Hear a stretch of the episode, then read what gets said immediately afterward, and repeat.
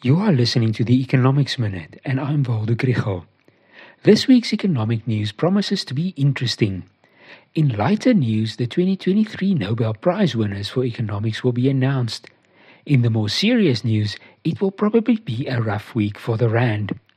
This episode is supported by the Bureau of Economic Research in Stellenbosch and the NWU Business School.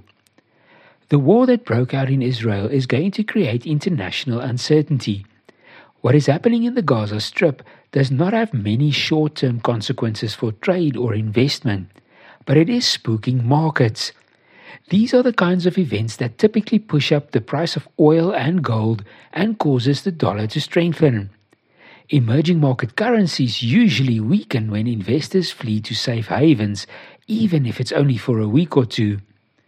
Along with this, there was also bad news for the Rand in Friday evening's US job creation figures.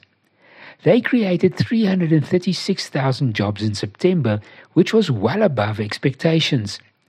This means that their economy is still running too hot and there's too much pressure on wages and prices.